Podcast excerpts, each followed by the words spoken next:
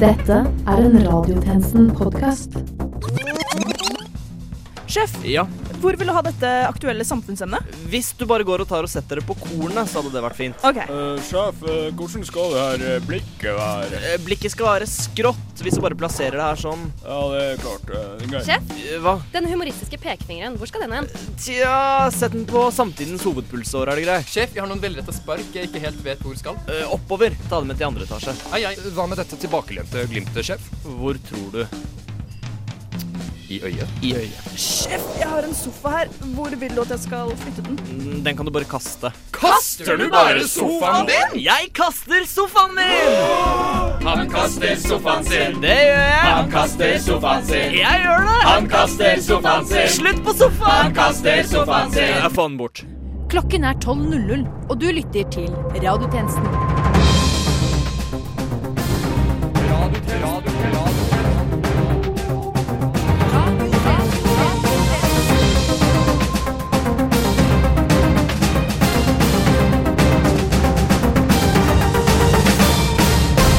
Velkommen til denne ukens radiotjenesten. Dette er nytt under solen. Togstreiken er over etter fem uker. Det blir et nasjonalt krav om opplæring for å kjøre buss for tog som dessverre er innstilt. NRKs Gro Holm sier at hvis det ikke skjer noe mer gøy i USA før landet har valgt ny president, vil hun sannsynligvis gå inn i en eksistensiell krise. Ja, det, vil gjøre, eh, det vil gjøre perioden fram til dette avklart veldig vanskelig. Og 16 år gamle Kenneth Wilhelmsen uteble fra skolen mandag til onsdag da han lå hjemme med Lost Fate in Humanity. Dette melder guttens foreldre. Og først i dag går vi til en pressekonferanse i regi av partiet Venstre, som kan fortelle om et stort gjennombrudd i kampen for å gjøre regjeringen mer klimavennlig. Det er også min store glede å meddele at uh, for noe tid tilbake så sendte vår partileder en melding til statsministeren. Ola, Ola, uh, kan vi få på neste slide? Ja, som du ser her på uh, Messenger-loggen, så sendte først Trine en melding hvor det sto Hallo, Erna. Hvis jeg klarer å få 50 000 likes og 20 000 kommentarer på bildet av denne chapdogen, kan statsbudsjettet bli grønnere, da? Trykk mellomrom, Ole. Hvorpå Erna svarer Hei, Trine. Du må jo gjerne drømme. Men OK, hvis du får 50 000 likes og 20 000 kommentarer, så kan vi få til et eh, grønt skifte. Blunkefjes. Ja, etter å ha lagt ut det her helt ekte bildet her på Facebook, så er vi altså oppe i 30 000 likes. Derfor trenger vi deres hjelp, sånn at eh, vi når opp til 50 000. Fordi da må regjeringa ta hensyn til Ja, jeg tror dette holder i denne omgang. Denne uken lanserte altså Venstre sitt alternative statsbudsjett, der det brukes mye mindre oljepenger. Godt hjulpet, går vi ut ifra, av veldig alternative samarbeidspartnere. Og du lytter til Radiotjenesten, din oppklarende chatlog mellom offentlighetens langdrygge skamepisoder. Kampen for det grønne skiftet fortsetter, og nå skal en splitter ny supergruppe løse den beinharde borgerlige budsjettbataljen om bilavgifter, diesel og bensin. Denne ansamlingen av helter består av Venstres Ola Elvestuen, KrFs Kjell Ingolf Ropstad, FrPs Kenneth Svendsen og Høyres Nikolai Astrup. På bakgrunn av en idé lansert av en skinnjakkekledd Hans Olav Syversen med lapp over det ene øyet, skal den usannsynlige alliansen mer eller mindre umiddelbart gå i gang med jobben. Det heltedådige oppdrag går altså ut på å ordne opp i detaljene i statsbudsjettet som rent klimamessig skal gjøre det spiselig for alle involverte parter i regjeringssamarbeidet. Men vil de få det til? Kommer det til å være i nærheten av FNs klimamål eller Parisavtalen? Vel, nei, det vil jo ikke det. Men herregud, for en spenning like fullt. Sammen skal disse kjempe for et klimakompromiss de alle kan være stolte av. Eller i det minste gjøre at samarbeidet ikke slår helt sprekker før i 2017.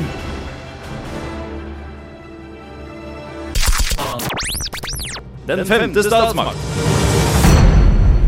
Radiotjenesten. Men det skal handle mer om klima og miljø, som det nå viser seg at de også har i utlandet. Tipier, hester, ørnefjær, fredspipe, hellig vann. Men snart ikke mer. En ny oljerørledning i USA skal krysse indianerreservatet Standing Rock. Her renner Missouri-elven, Sioux-stammens kilde til drikkevann. Nå har flere samlet seg i protest mot oljerørledningen som de kaller The Black Snake. Vi er her for å beskytte moder jord og vårt hellige vann. Vår hensikt er å plante hellige planter og be bønner i protest mot den svarte slange. Dette sier Spirit Windwalker, en av medlemmene av Susdamen, som simpelthen nekter å drikke Voss-vann sånn som vanlige folk. Han frykter at oljelekkasjer ikke bare vil forurense drikkevannet, men at hellige landområder og gravsteder vil bli ødelagt under byggearbeidet. Dette er vårt hellige sted. Vi er i hvert tre, hver bekk, hvert vindpust, hver selfie og hver 7-Eleven, sier Windwalker videre. Det sorte rør har også skapt oppstyr i Norge. DNB har bidratt med nesten 3 milliarder kroner for å finansiere prosjektet. Altså, jeg har vippsa min siste vips, det er helt klart. Nordmannen Ørnulf Haukefjes har røtter i det amerikanske urfolket, og oppfordrer alle DNB-kunder til å bytte bank. Ja, Som eh, en med forfedre i eh, Sus-stammen, så er jeg så klart i kontakt med denne kulturen. Jaha? Jeg har sett mer enn noe indianerfilmer, Ah. og eh, tro meg, altså, jeg vet hva som skjer når du fucker med folk i. Det er ikke alt som er like lett å oversette, men radiotjenestens tolk er rimelig sikker på at dette betyr noe sånt som at DNB nå risikerer å smake knokesmørbrød. Storbanken har så langt ikke fått bekreftet informasjon som tilsier at prosjektet bryter med menneskerettighetene. Men godt over 2000 personer har signert proteststopprop mot banken, og flere sier opp kundeforholdet. DNB er imidlertid ikke bekymret. Nei, vi opplever ikke noe kundeflukt som følge av dette. Så alt er som normalt? Alt er som normalt. Her kunne det ikke vært mer normalt. Så styret rundt denne omstridte ledningen påvirker deres virksomhet i det hele tatt? Altså, det som skjer er at vi alle blir litt rikere, ikke sant? Og da har vi gjort noe riktig, spør du meg. Altså, vi kan ikke klikke i vinkel bare fordi vi skal bygge noen rør over noe. Uh, drikkevann, jeg er kjempetørst! Eller noe. Uh, hellig gravsted, ikke ødelegg bestefar Piletres grav. Ikke det? Nei, men altså, hva er det verste som kan skje, da? Noen naive kunder bytter kanskje til Skandiabanken, men det er denne investeringen verdt. Det er nok mambo jumbo nå. Du, du har noe i nesa? Å, litt abuse? Det er neseblod Nei, nei, det er ikke blod. Det er Er det, er det olje? Neimen Hva faen? Slik som DNB har spyttet 2,8 milliarder kroner til utbyggingen av oljerørledningen, spytter denne DNB-talsmannen 2,8 milliarder liter olje ut av munn og nese. Samtidig begynner kontorgjenstander å sveve rundt i rommet. Gamle ånder stiger av leirkrukker ingen av oss før hadde lagt merke til. Pengene i de store brune sekkene med dollartegn forvandles til ørnefjær, og bygningen raser sammen. Hvorvidt dette vil ha varige konsekvenser for DNB, gjenstår å se. En ting som i hvert fall er sikkert, er at det vil gå lang tid før de og Susdammen deler en fredspipe. Ny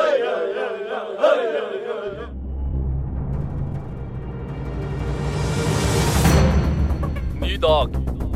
Ny sak. Nytt syn. Nye nyheter. Men nå skal det handle om profetens Umashem-trollet Ubaydullah Hussain, som med sitt vinnende vesen har rekruttert norske konvertitter til IS. Om forsvarsadvokat Jon Christian Elden for en gangs skyld har valgt å representere noen som er uskyldig, gjenstår å se, men mye tyder nå på at Hussain Hva, hva, hva, hva er det? Å, å, å, hjelp! Rasling med lenker! Klagende uling! I studio! Det må Det må være et spøkelse! Nei, ikke egentlig.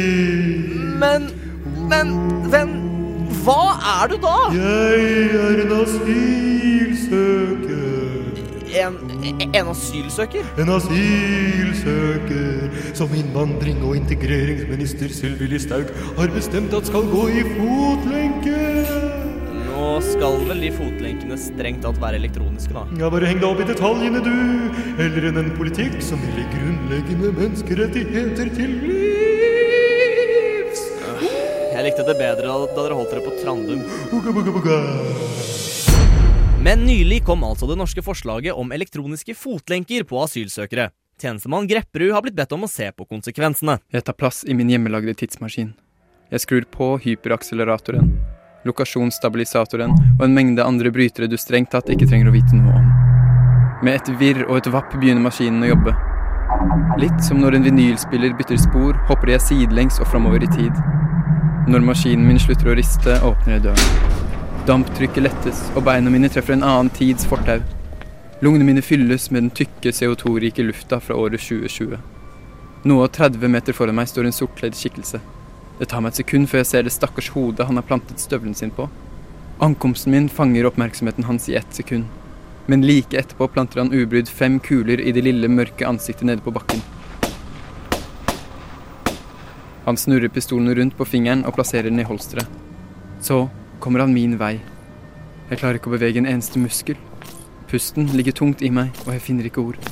Hvem er du? I et lite øyeblikk føler jeg meg som den lille handikappede vennen til Malcolm i 90-talls-TV-serien Malcolm in the Middle. Han tar meg i nakkeskinnet og dytter meg mot en murvegg. Pistolen peker han i ansiktet mitt. Hvem er jeg? Det ville du vel likt å vite. Ordene hans har en aggressiv og bestemt tone. Litt som moren til Malcolm i 90-talls-TV-serien Malcolm in the Middle. Hva er dette? Hvorfor får jeg ikke etablert en link? Få se ankelen din. Hæ? Min bare ankel. Du er ikke herfra, er du det? Han slipper meg og plasserer pistolen tilbake i beltet. Hva er det som foregår? Rolig, kompis. Mitt navn er eh, Klaus Klegg. Jeg jobber under Spesialenheten for politisaker i Oslo. De kaller meg en prekog. Det er vel det eneste navnet jeg svarer til nå. Hva med Klaus Klegg? Du, du skjønner det, gutt, at uh, gjennom en relativt enkel host-to-host proxy-tilkobling kan vi prekoger ta oss inn i sinnet til flyktninger og dermed få innsikt i alle fremtidige lovbrudd. På den måten kan vi stoppe forbrytelser før de skjer. Men Hva var det du så etter på ankelen min? I 2016 hadde regjeringen et nytt forslag om å putte digitale fotlenker på asylbefolkningen, noe som gjorde jobben min en god del lettere. I 2017 ble det påbudt for hele befolkningen å bli markert slik. Nå lever vi lykkelig uten noen lovbrudd. Akkurat da suser en klagende vind gjennom gatene. Her er det ingen mennesker. Bare tykk tåke. Hva med hun der borte? Hva hadde hun gjort? Hun skulle til å rane en bank. Nå begynner et lite barn å krabbe ut av den tykke tåken. Før jeg får sagt noe, er Klaus i bevegelse. Han tar løpefart og sparker det lille barnehodet, som om han sparker en amerikansk fotball under kickoff. Herregud, det lille barnet kan da umulig ha gjort noe galt? Um, jo, altså det, det barnet skulle vokse opp og føde et, et lite barn med navnet Oi, oi, Boingo Jongomongo, som skulle starte maskinenes krig eller et eller annet sånt. da. Hæ? Hva er det du snakker om? Hei, gutt! Mitt navn er Klaus Klegg. Og for å lage en omelett må du klegge noen egg. Og dette er omeletten du vil lage? Mm, smaker rettferdighet. Går det ikke an å påstå at dette egentlig smaker frykt og terror? Han griper meg om halsen. Forsøker du å hindre politiarbeid, gutt? Nei, Klaus, vær så snill. Si bare at Dårlig valg! Retten har talt! Straffen er døden på livstid! Han strammer grepet og river av meg hodet. Så plukker han det opp, åpner det som et kinderegg og begynner å leke med hjernen min. Det blir svart.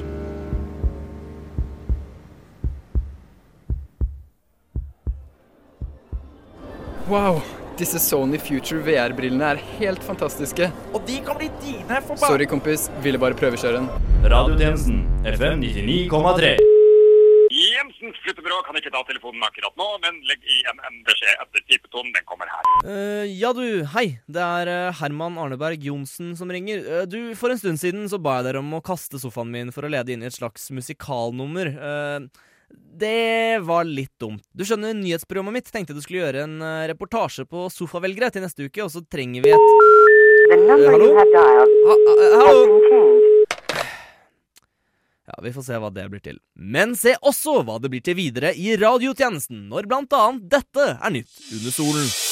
Med inspirasjon fra den populære TV-serien Westworld lanserer Justisdepartementet nå et eget kunstig Syria skapt for radikaliserte trøndere. Det amerikanske valget utsettes med tre måneder, slik at folk får ordentlig tid til å sette seg inn i kandidatenes skandaler. Og i et forsøk på å nå ut til ungdommen lanserer PST nå sine egne skjorter med teksten 'Pervers seksualitetstrener'. Første leksjon er gratis.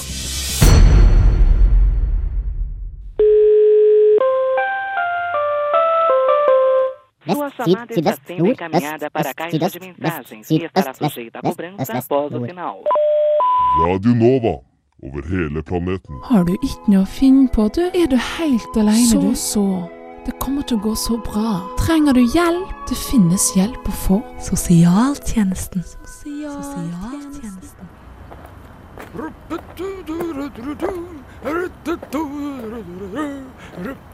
Det skjedde.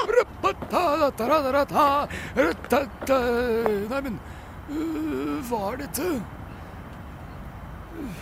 Det, det, det ser jo ut til å, til å, til å være en slags øh, en ballong.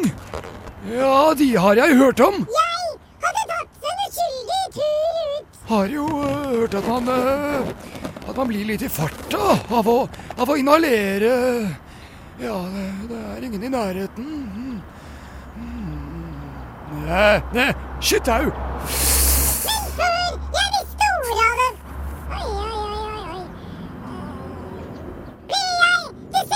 Offer for en barnebursdagsrekvisitt?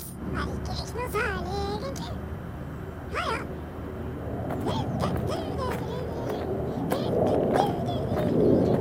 Men enn så lenge har klovner fremdeles dessverre adgang til riket.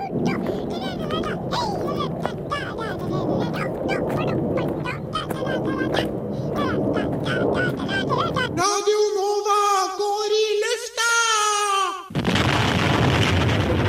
Den nye professorbedriften Fudoredrag fortsetter å vokse. Stadig mer populært med akademikere som sykler hjem til folk og forteller om humaniora.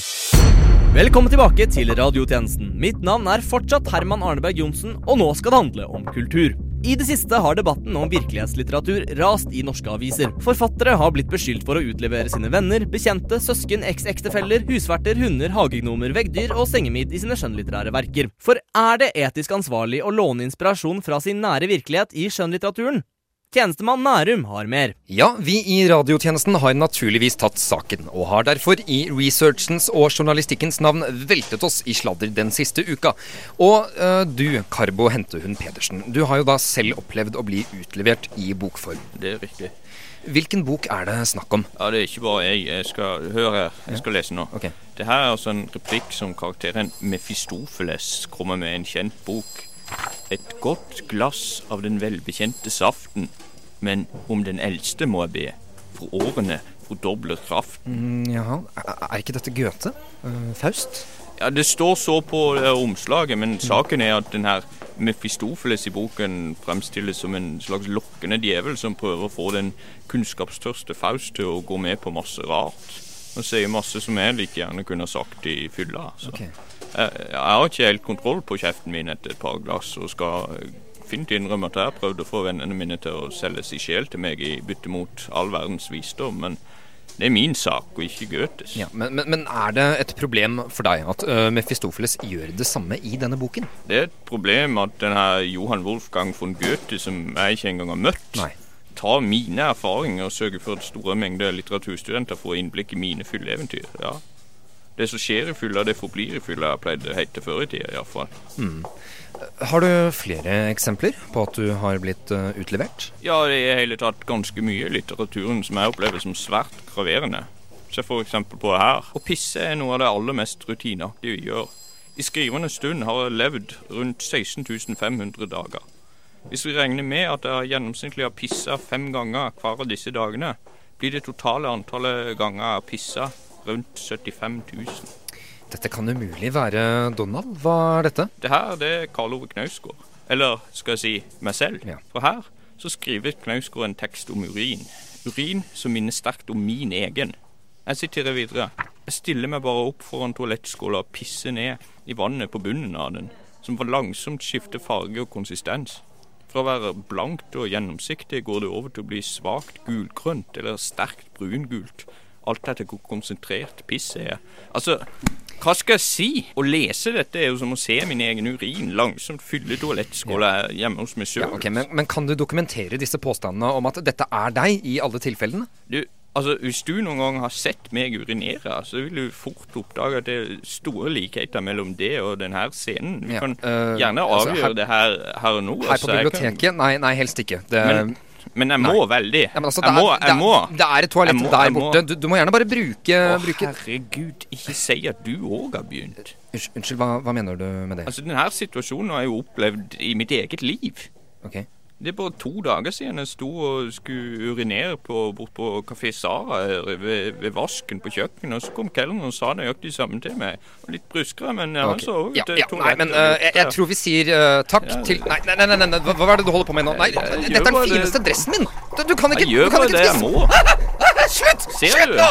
Det er virkelighet, det her. Det er det her som er virkeligheten.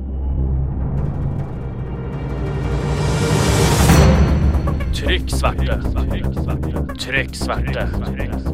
Trykk sverte. Innenriks. Frank Sve trekker seg som listetopp for Fremskrittspartiet i Møre og Romsdal etter at han skjønte at Sylvi Listhaug ønsker seg en sikker plass på fylkeslista. Det er veldig viktig for meg å signalisere at jeg ønsker da den sikreste plassen på lista, som er førsteplassen. Dette til tross for at hun som innvandringsminister aldri har vært særlig opptatt av at folk trenger en sikker plass å være.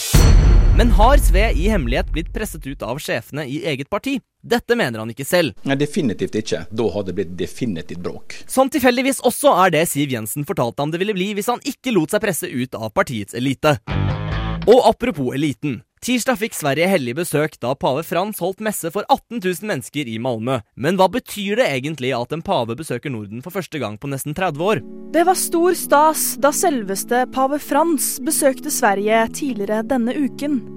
Hensikten var en økumenisk markering av det kristne fellesskapet mellom katolikker og protestanter. Ja, det var en historisk dag, en viktig dag, og ikke minst en veldig, veldig prektig dag. Dette sier figurekspert Hans Lie. Han er en av de mange som fryder seg over markeringen. Mm, ja, markeringen i seg selv. Ordet perfeksjon dukker opp i hodet mitt, da. Eh, Kong Carl Gustav, dronning Silvia, herr statsoverhode Stefan Löfven, hertug eh, Faberge von Egg med familie, og så kronen på verket, Hans Hellighetsguds stedsfortreder på jord, pave Frans. Ja, Men hva betyr denne markeringen? Tja, utover at det er en flott markering, mener du? Ja, Ja, altså- uten, Utenom selve symbolverdien alle disse symbolske skikkelsene genererer? Ja, altså- Utenom at det er så forfriskende å ha krem de la krem hva viktige mennesker angår, samlet under én markering? Mennesker med så mye klasse, så mye verden Jeg ser meg nødt til å forhøre meg med noen andre, da Hans Lie mister seg selv i drømmen om å også selv være en del av denne eliten. Isteden får jeg tak i statsviter og teolog Regine Helgesen. Hvilken betydning har denne markeringen for forsoningen mellom katolikker og protestanter? En enorm betydning. Dette er en triumf for Sverige, og for Norden for øvrig. En av de største utfordringene i det moderne svenske samfunnet er uenighet mellom katolikker og protestanter. Er det det? Å, så absolutt! Og nå som paven er her og sier 'vet du hva, det var dumt å drepe hverandre for 400 år siden', ja, så er det klart at dette er en stor dag og et enormt steg i riktig retning for et mindre segregert samfunn. Ja, så, så du mener at paven har såpass mye tyngde i et så sekulært land som Sverige? Selvsagt! Denne paven har jo dessuten stått fram som en moderne fyr, noe markeringen også tyder på. Ja vel? Ja, for eksempel går han ikke direkte ut og fordømmer homofile. Moderne. Ok. Og han kaster ikke opp i fjeset til den kvinnelige presten han traff i Sverige. Moderne. Nei, det er sant. Og så er det jo veldig stas, da, at han kommer hit i Norden. Ja. Ja, veldig stas. Ja, det er kanskje veldig stas. Ah, stas. Stas? Stas! Og hva mener Gud selv? Ingen kommentar. Ok. Ok, veldig voksent Gud. Jeg forstår at pavens Sverigebesøk faktisk var stas og viktig og flott. Om jeg så ikke forstår hvorfor, vel, da er det kanskje meg det er noe galt med. Men skuta vi kaller kristendom seiler i alle fall videre, og snart er den ute av syne. Men fra det helligste til det minst guddommelige vi har, nemlig demokrati. Det amerikanske valget stjeler mange overskrifter for tiden, men også i Norge arrangerer vi demokratiske valg. Og dersom studentene får det som de vil, ja, da går det mot regjeringsskifte om et års tid. Høyres oppslutning blant studentene stuper i en fersk undersøkelse utført av Sentio. Hvem tjener på det? Det blir vel fort de røde robo folkene fra Arbeiderpartiet. Hele 35% av norske studenter sier at ja, de ville ha stemt på de røde folkene fra Arbeiderpartiet. Nest størst blir de blå folkene fra Høyre, som får 14% Vi har møtt en av studentene som har endra politisk mening i det siste. Vestlandsgutten Brynjulf Lædre Bjørdal. Min psykiske helse er bra. Min psykiske helse er bra. Min psykiske helse er bra. Min psykiske helse er bra. Min psykiske helse er bra. Min psykiske helse er bra. SV-kantina på Blindern Sydavliv. Ved bordene diskuteres politikk, kultur, samfunn, skam og ikke minst rasisme høylytt. Men ikke alle inntar lunsjen i gode venners lag. Ved et bortgjemt bord helt inne ved en vegg sitter vestlandsgutten Brynjulf Lædre Bjørdal og drikker kaffe i ensomhet. Idet jeg nærmer meg bordet, begynner vestlandsgutten å liksom tilfeldig nynne på Alphavilles monsterhit Forever Young.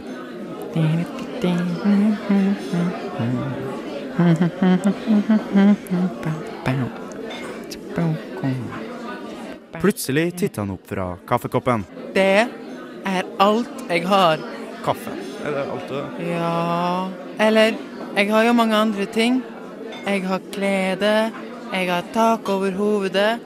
Jeg har en liten lekesjiraff som heter Johannes, og så har jeg Ok, jeg, jeg skjønner. Jeg skal være ganske fornøyd, egentlig. Mange fattige folk nede i Afrika har det jo verre. Litt perspektiv må en jo ha. Perspektiv må man ha, men hvilket? Brynjulf har kanskje ikke skifta fra froske til fugleperspektiv i det sosiale hierarkiet. Der befinner han seg fortsatt på bunn, men politisk har han endra synspunkt ganske kraftig i det siste. Før stemte jeg på de blå folka i Høyre. Men nå har jeg bytta til de røde folka i Arbeidernes parti. Eh, Heter det ikke Arbeiderpartiet, selv om du snakker nynorsk? Jo, Arbeiderpartiet.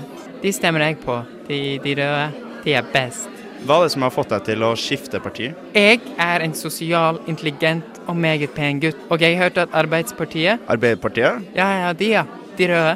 Jeg hørte at de ble angrepet av Utøya. Uh, ja, 22. juli. En forferdelig tragedie. En gang da jeg var liten, ble jeg angrepet av en liten hund på skoleveien når jeg gikk en omvei for å ikke gå forbi sjetteklassingene.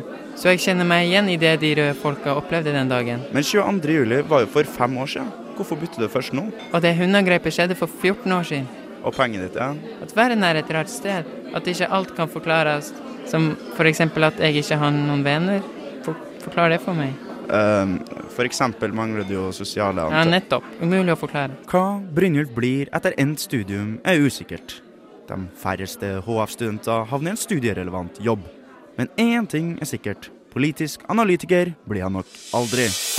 På tampen av sending skal vi ha utenriks, for det britiske parlamentet må godkjenne brexit før regjeringen gjennomfører det, har en domstol besluttet. Tjenestemann Holbeck har mer. Westworld er en dramaserie fra HBO, kanalen som ga deg Luck, Ballers og Real Time with Bill Maher. Serien foregår i en futuristisk fornøyelsespark der rike folk leker cowboy og ligger med roboter. Men halvveis gjennom den første sesongen er fortsatt mye ubesvart. Just For Westworld stiller så mange spørsmål at det hele framstår som en veldig tøff gjettelek. Er parken på Mars? Foregår handlingen over flere tidslinjer? Eller er hele TV-serien en realistisk framstilling av Storbritannia i etterkant av brexit? Park. For i juli bestemte en gjeng bråkebøtter at Storbritannia skulle meldes ut av EU. Det var en stor begivenhet, men siden den fant sted i radiotjenestens sommerferie, gikk nok mange glipp av den. I likhet med din sedvanlige HBO-serie var det mye drama. Statsministeren gikk av, folk var stressa, det ble mye oppslag. Og vi kalte det brexit. Det er mange paralleller mellom brexit og Westworld. Brukeren Ironman6969 på Reddit påpeker at Westworld foregår i et dramatisk ørkenlandskap. Storbritannia er for så vidt kjent for å være en øygruppe med utpreget mye regnvær, men tenk på dette. Hva hvis Storbritannia opplever så mye økonomiske problemer at de tørker ut? Those men are Union soldiers like my father was. I know. We won't hurt. We're gonna stick to the plan. Mange av cowboyene i Westworld snakker også om en borgerkrig i nær fortid.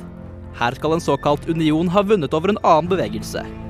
Kan det bety at EU har tatt tilbake makten over et postapokalyptisk Storbritannia?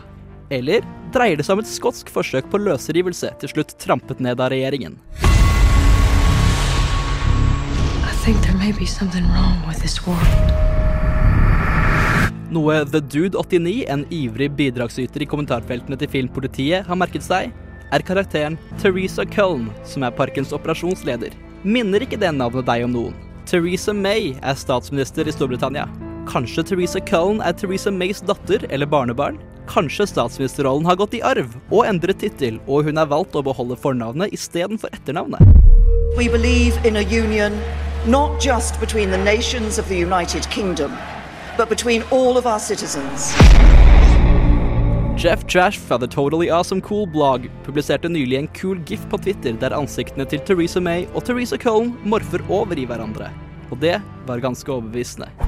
Kritikere av denne teorien har trukket fram at de fleste karakterene snakker amerikansk, at Westworld er en park og ikke et helt land, og at brexit må godkjennes av parlamentet før utmeldingsprosessen fra EU kan påbegynnes. Men alt dette kan være villeding fra serieskapernes side. The maze is all that matters now. Det er tilnærmet umulig å ikke legge merke til fellesnevnerne. HBO-serier har tross alt banning, vold og vulgariteter. Akkurat som den degenererte underklassen som sendte Storbritannia ut av EU. Ingen vet helt sikkert hva som foregår i Westworld, og ingen vet hva som skal skje med brexit. Svarene får vi om seks år når Westworld viser sin siste episode, og Storbritannia, ifølge spoilers, blir senket av en enorm flodbølge. Sannheten bak sannheten.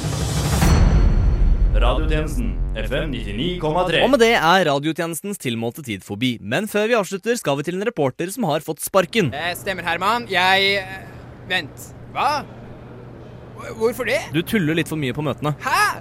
Nei, jeg er livet på møtene! Ah, ah, potet og potetreporter. Men vær så snill! Jeg har kone, fire barn og 17 marsvin å forsørge! Vi vet det. Du har de alltid med på møtene. Selvfølgelig! De er jo selve livet på møtene etter meg! Takk for det, reporter. Vi takker for oss og ber deg huske på at hver dag er en gave, på tross av at mandager er et nytt par sokker fra tante Borghild.